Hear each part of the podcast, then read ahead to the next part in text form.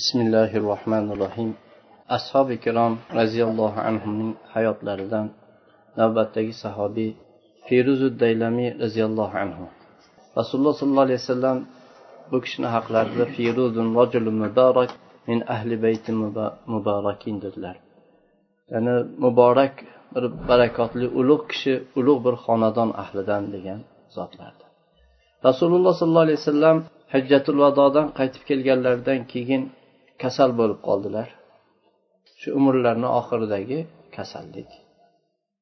Shunda arab jazirasi va arabistonni atrofida rasululloh sollallohu alayhi vasallamni kasal bo'lganliklari xabari yoyildi shunda yamanda asvadul ansi degan o'sha mo'tabarlardan bittasi yamomada musaylamatul kazzob bular islomdan murtad bo'lishdi. Bani asad shaharlarida tulayhatul asadiy murtad bo'ldi. Va bu uchalasi asvadul ansi yamanda musaylamatul kazzob yamomada tulayhatul asadiy bani asad qabilasida ular murtad bo'lib uchalasi ham bu uchta kazzob o'zlarini shu qavmlariga yuborilgan payg'ambarmiz deb davo qildilar. Xuddi rasululloh sollallohu alayhi vasallam muhammad ibn abdulloh qurayshlarga payg'ambar qilib yuborilganga o'xshash biz ham qavmimizga yuborildik deb davo qildilar. Bugungi feruzi daylamiy roziyallohu anhuning tarixlari qissasi shu bu uchta murtadlarning bittasi asvadul ansi bilan taalluq. Asvadul ansi u bir kohin folbin masxaraboz nafsi ham o'zi masalan qora lekin butun yomonlik unga hukmron bo'lgan keyin quvvati ham kuchlik jasadi ham katta baquvvat ko'rinishdagi odam edi. Yana shular bilan birga bu o'zini so'zi bilan gapga ustaligi bilan butun odamlarni aqlini o'ziga tortadigan va ommani o'zini botillari bilan omma aqliga o'ynashlikka qodir makkor edi. Xos odamlarga ommaga shu gapirib turib ularga shu botillarini haq qilib ko'rsatib odamlarni aldasa xos bir qo'lidan keladigan ish keladigan odamlarni mol bilan obro' mansab va'da qilib turib ularni o'ziga qaratar edi odamlarga chiqqan vaqtda o'ranib chiqardi. Yopinib shu o'ranib chiqar edi yana o'zini shunday bir g'amuzlik noaniqlik haybat Э, haybatlanish qo'rquv bunda bo'lishligi uchun shunday qilib o'ranib chiqardi. Bu vaqtda hali rasululloh sollallohu alayhi vasallam hayot faqat shu qattiq kasal bo'lganliklari vaqt e, xabari tarqalgan paytda shu hodisalar bo'ldi. Bu vaqtda yaman tarafda nufus boshchilik abno degan kishilarni qo'llarida edi. Ya'ni bularni eng bosh, boshi firuzi daylamiy edilar. Rasululloh sollallohu alayhi vasallamni sahobalarida. Abno degani odamlarni bir to'dasi otalari forslardan ya'ni o'zlarini fors shaharidan yamanga kel, kelgan va onalari arablardan bo'lgan shunday xalq.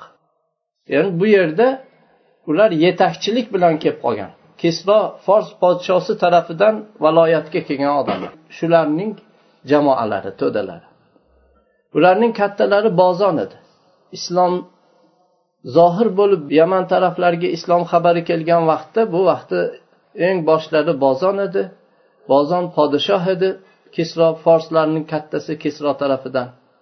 Rasululloh sollallohu alayhi vasallamni sodiq haq payg'ambarliklari aniq bo'lgan vaqtda da'vatlarining oliyligi ko'ringan vaqtda kisroni toatidan fors podshosini toatdan chiqdi. U qavmi ollohni diniga kirib musulmon bo'ldilar. Nabiy sollallohu alayhi vasallam shunda uni o'zini mulkida shunday boshchiligida qoldirdilar. Bozon yamandagi o'zining mulkida molikligida davom etdi. Shu asvadul ansi chiqishidan ozgina vaqt ilgari bu vafot etdi. Asvadul ansiyni bu kazzobni da'vatini ijobat qilib xo'p deganlardan birinchisi banu mazhij o'zini qabilasi edi. Bular bilan birlashib turib sano shahariga hujum qildi va sanoni voliysi shahrubni ibn bozonni bozonni o'g'li shahrubni ibn bozonni o'ldirdi va uni ayoli ozoda ismli ayoliga uylanib oldi. Asvadul ansi kazzob. Keyin sanodan turib boshqa mintaqalarga hujum qildi. Uni zarbalari nihoyatda insonni lol qoldiradigan tezlik bilan zarbalari ostida juda ko'p joylar shu taslim bo'lardi. Hazramavtdan to toifgacha bo'lgan shaharlar unga bo'ysundi. Bahrayn ahso adan degan hozirgi katta bir shaharlar bor. Shu yerdagilar hammasi taslim bo'ldi. Asvadul ansiyni odamlarni aldab odamlarni o'ziga qaratib moyil qilishda unga yordam beradigan narsa uni cheksiz firibgarligi makkorligi edi. Keyin u o'ziga ergashgan odamlarga shunday davo qilar ediki bir farishta menga vahiy olib kelyapti menga shu g'ayb narsalarni xabar beryapti deb davo qilardi. Bu davosini o'ziga qarashlik o'zini josuslarini hamma yerlarga tarqatib qo'yardi. Odamlarni ichida shu josuslari yurardi. Odamlarni xabarlarini ular xabardor bo'lib voqif bo'lib odamlarni sirlaridan xabar topib keyin kelib shu odamlarni boshlaridagi mushkilotlari qiyinchiliklari ahvollari holatini ular aniqlab odamlarni qalblaridagi dard hasratlari orzularini ular aniqlab kelardida keyin sirran bu asvadul ansiyga buni xabar berib bildirib qo'yishar edi. Shunda har tarafdan bunga keladigan odamlarga o'sha odamlarni biladi endi bu sirdan xabari berilgan odamlarni hojatiga qarab har hojat egasiga asvadul ansi shunday muomala qilardi.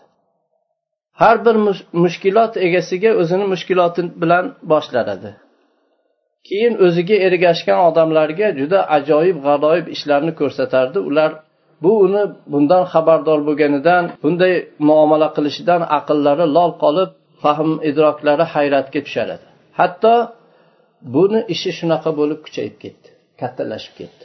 Uni da'vati xuddi qurigan xashakka shu yoyilgan xashakka o't ketgandek da'vati shunaqa tezlik bilan yoyila boshladi.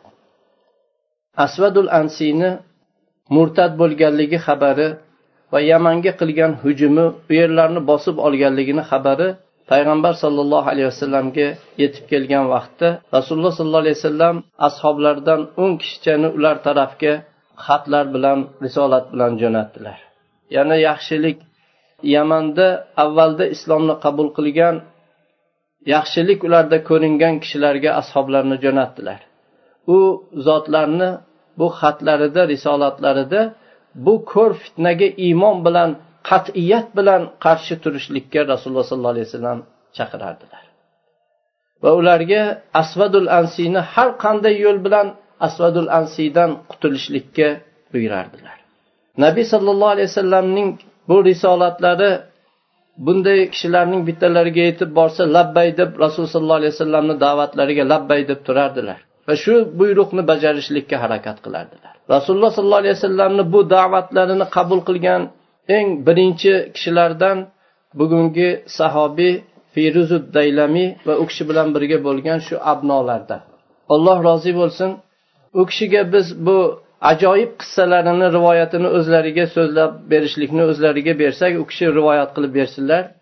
Firuz rivoyat qilib aytadilarki men va men bilan bo'lgan bu abnolar ollohni dinida bu rasululloh sollallohu alayhi vasallam olib kelgan haq dinda bir lahza ham shubha qilganimiz yo'q.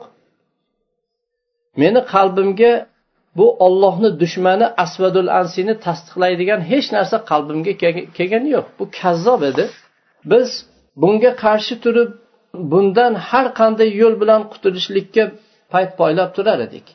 Bizlarga va mo'minlardan avvalda shu islomga kirganlarga rasululloh sollallohu alayhi vasallamni bu xatlari kelgan vaqtda bir birimizni quvvatladik undadik. Bizlardan har birimiz o'zini tarafida amalga kirishdi. Asvadul ansi unga kibru g'urur tamoman kirib bo'lgan edi.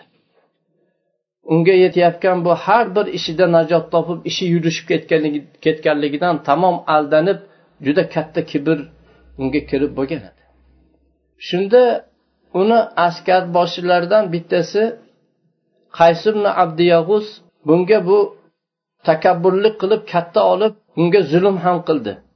Bu qo'mondonni boshliqlikka qilgan muomalasida tamoman o'zgardi. Hatto bu qays o'ziga ham bu asvadul ansini bir kun g'azabi tushishligidan xotirjam bo'lmay qoldi. Endi amonlik ketgan edi. Buni feruz roziyallohu anhu qissa qilib beryaptilar. Men amakimning o'g'li dozavay uni oldiga bordik. Unga nabiy sollallohu alayhi vasallamni xatlarini yetkazdik. Asvadul ansi bilan ya'ni u bir ish qilib qo'yishidan oldin vaqtida o'zini ishini qilib olishlikka uni tezladik chaqirdik. Bizni bu chaqirig'imizdan uni qalbi ochildi. Bizga o'zini sirlarini ochdi. Va bizni xuddi osmondan uni oldiga tushgan bir najotdek qabul qildi.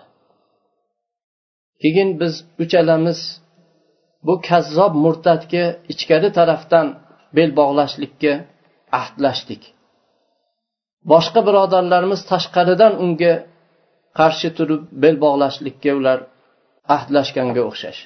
Biz shunda biz bilan birga amakimning qizi ozodaki bu asvadul ansi erini o'ldirib shahrimni bozonni o'ldirib unga uylanib olgan ozoda ham bu ishda ishtirok etishligini xohladik.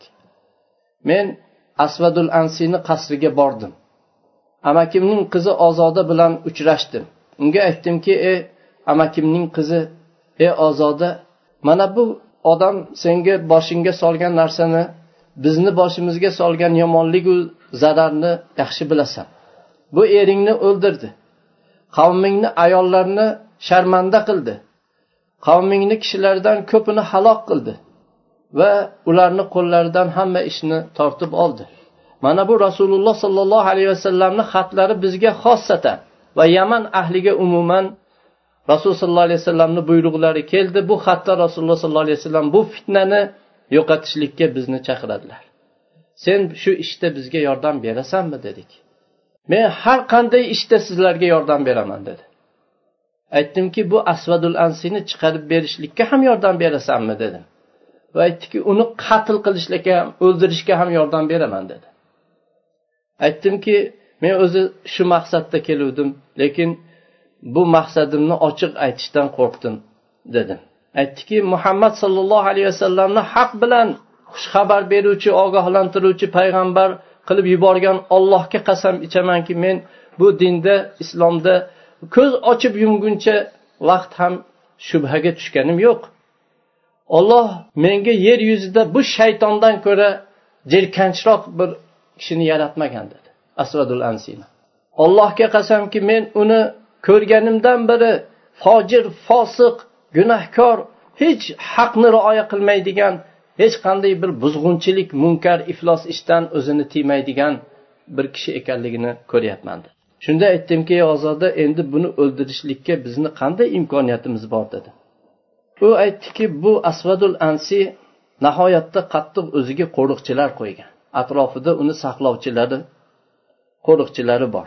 Qasrda hech bir joy qoldirmasdan shu bir tashlandiq qasrda bir xona bor uzoqda shundan shu xonadan boshqa hech bir joy qoldirmasdan shu qo'riqchilar o'rab olgan qo'riqlashadi.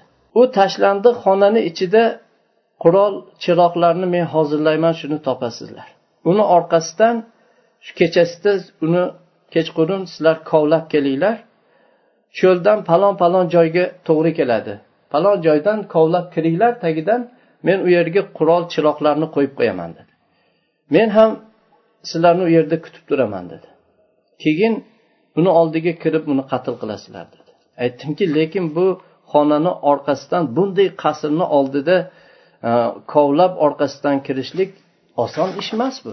Bitta yarimta inson u yerdan o'tib qolsa u keyin shu qo'riqchilarga baqirsa bu juda yomon bir ish bo'ladi dedi. Aytdiki to'g'ri aytyapsan lekin boshqa bir fikrim bor meni dedi. Qanday fikring bor? Ertaga san o'zing uni omonatdorlikka ishongan bir kishini ishchi holatida bir ishlab yuradigan ishchilarga o'xshatib yuborgin. Men unga ana shu xonani ichidan kovlab kovlashlikni ko'rsatib qo'yaman kovlab chiqadi. Tashqarida ozgina qoldiradi. Uni keyin sizlar kechasida tashqaridan kelib ozgina harakat qilib ochasizlarda kirib kelasizlar dedi. Aytdimki ey ozoda bu qanday bir yaxshi maslahatni berding dedim.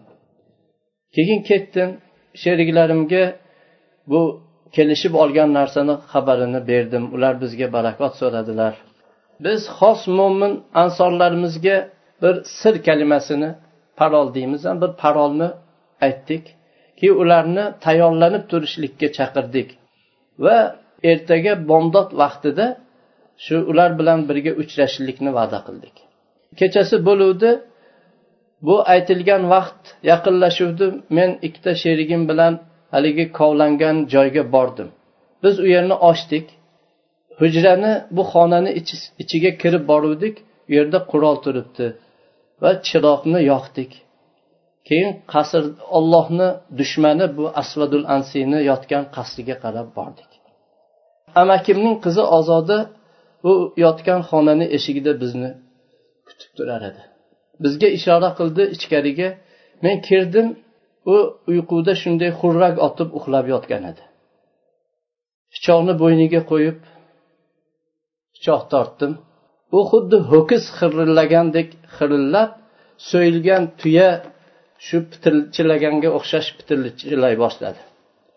Uni xirillashini bu qo'riqchilar atrofdagilar eshitdi. Shunda bu xonaga hammasi yugurib keldi. Nima bu dedi? Nima to'polon dedi? Shunda amakimning qizi ozoda ularga e sizlar xotirjam qaytaveringlar bu ollohni payg'ambariga vahiy kelyapti dedi. Bu kelganlar hammalari qaytib ketishdi. Yana feruz roziyallohu anhu rivoyat qilib aytadilarki biz qasrda qoldik. Tong otguncha o'sha yerda qoldik. Keyin tong otganda qasr devorlaridan biriga chiqdim. Allohu akbar allohu akbar deb azon ayta boshladi azonda shu davom etib ashhadu an la ilaha illalloh va ashhadu anna muhammadar rasululloh degan joyga yetganimda ashhadu annal asvadal ansi kazzab deb baqirdi. Bu bizni parolimiz sir kalimamiz shu edi. Shu vaqtda musulmonlar qasrga hamma tarafdan hujum qilib kirdilar. Bu qo'rquvdan qo'riqchilar hammasi azonni eshitgan vaqtda cho'chib turgan edi. Shunda ichkaridagi toifa va tashqaridan kelganlar bir birlariga to'qnashdilar. Men ularga asvadul ansiyni boshini shu qasr devorini ustidan turib ularga otdim. Bu asvadul ansiyni yordamchilari qo'riqchilari buni ko'ruvdi tamom bo'ldi hammalari shunday zaiflashdi ularni quvvati tamom tugadi. Mo'minlar bu holatni ko'rganlarida takbir aytdilar dushmanlarga shunday tashlandilar. Ish quyosh chiqqungacha tamom bo'ldi. Kun yorishuvdi bir xatni rasululloh sollallohu alayhi vasallamga bu ollohni dushmanini halokati bilan xushxabar berib bir xat yubordik elchi yubordik. Bu bizni elchimiz elchilarimiz madinaga yetib borgan vaqtda rasululloh sollallohu alayhi vasallam o'sha kecha dunyodan ya'ni hayotdan ko'z yumgan edilar vafot etgan edilar. Lekin ular lekin rasululloh sollallohu alayhi vasallamga vahiy bu asvadul ansiyni shu o'ldirilgan kechada vahiy bilan xabar berilgan ekan rasululloh rasululloh sollallohu alayhi vasallam asvadul ansiy o'ldirildi dedilar. Bu kecha asvadul ansiy o'ldirildi so'yishdi uni dedilar. Bir muborak bir kishi muborak bir xonadon ahlidan bir kishi uni qatl qildi dedilar. Shunda rasululloh sollallohu alayhi vasallamga ey ollohni rasuli u kishi kim? deb so'raldi. Rasululloh sollallohu alayhi vasallam feruz dedilar. Feruz najot topdi deb alloh subhanava taolo dunyoda najot topganlaridek ashobi kirom roziyallohu anhuga oxiratda ham najot bersin. Alloh taolo keng jannatlarda ularga ko'p mukofotlar bilan alloh mukofotlasin سبحانك اللهم وبحمدك أشهد أن لا إله إلا أنت أستغفرك وأتوب إليك